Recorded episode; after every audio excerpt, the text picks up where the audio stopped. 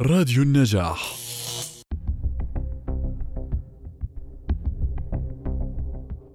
من أين نأتي بأفكار التحقيقات؟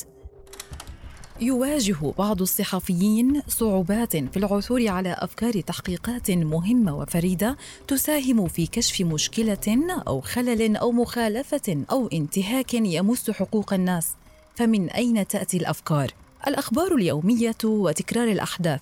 تتيح متابعة الأخبار اليومية فرصة للصحافيين لاقتناس أفكار مهمة تحديدا من تلك الحوادث التي اعتدنا عليها نظرا لتكرارها. وكثيرا ما تنشر مثل هذه الحوادث في الزوايا الهامشية في المواقع والصحف. لكن تكرار الوقائع وتشابهها قد يكون مؤشرا على قصة يمكن رصدها وتوثيقها. وغالبا ما يكون وراء هذه الحوادث مشكلة ما يتجاهلها المسؤولون أو يتسببون بها. الميدان. إن الميدان كنز لصحفي التحقيقات ففي العمل الميداني يظل الصحفي على تواصل مباشر ومستمر مع الناس ويتمكن من الاحتكاك بقصصهم والتعرف على مشاكلهم وآلامهم التي يكون قد اعتادوا عليها. إلا أن نظرة ناقدة من خارج البيئة المكلومة ستكون كفيلة ببناء فكرة تستحق التحقق والتقصي البيانات. إن الاطلاع على البيانات والمعلومات المنشورة في المصادر المفتوحة على الإنترنت ومتابعتها وقراءتها بأسلوب نقدي وشكاك ستثير لدى الصحفي أسئلة وتنبهه إلى أفكار يمكن التحقق منها والتقصي حولها.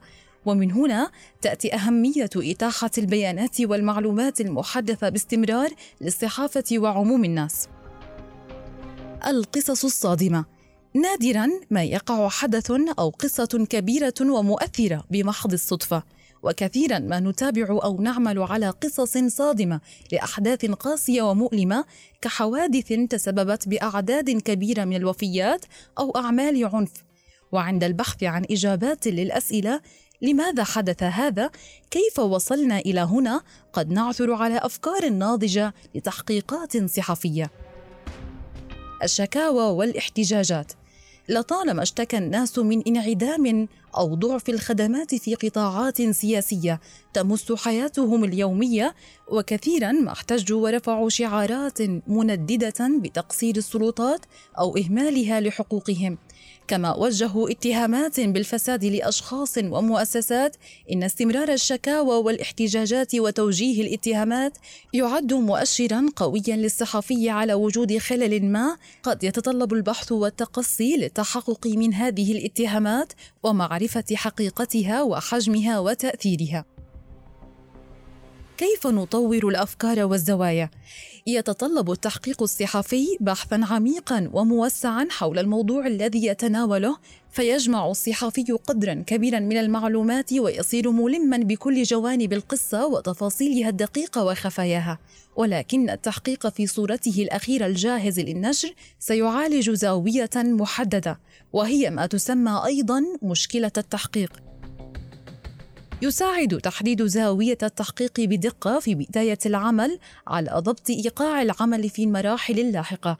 ويمكن للصحفي من وضع آلية العمل التي سيتبعها في سبيل الإجابة عن أسئلة التحقيق ويصبح قادرا على توجيه بحثه ليكون متصلا بالمشكلة التي يتقصاها. وبهذا يصبح التحقيق غنيا بمعلومات مترابطة حول قضية بعينها ويشكل إضافة معلوماتية ومعرفية للجمهور.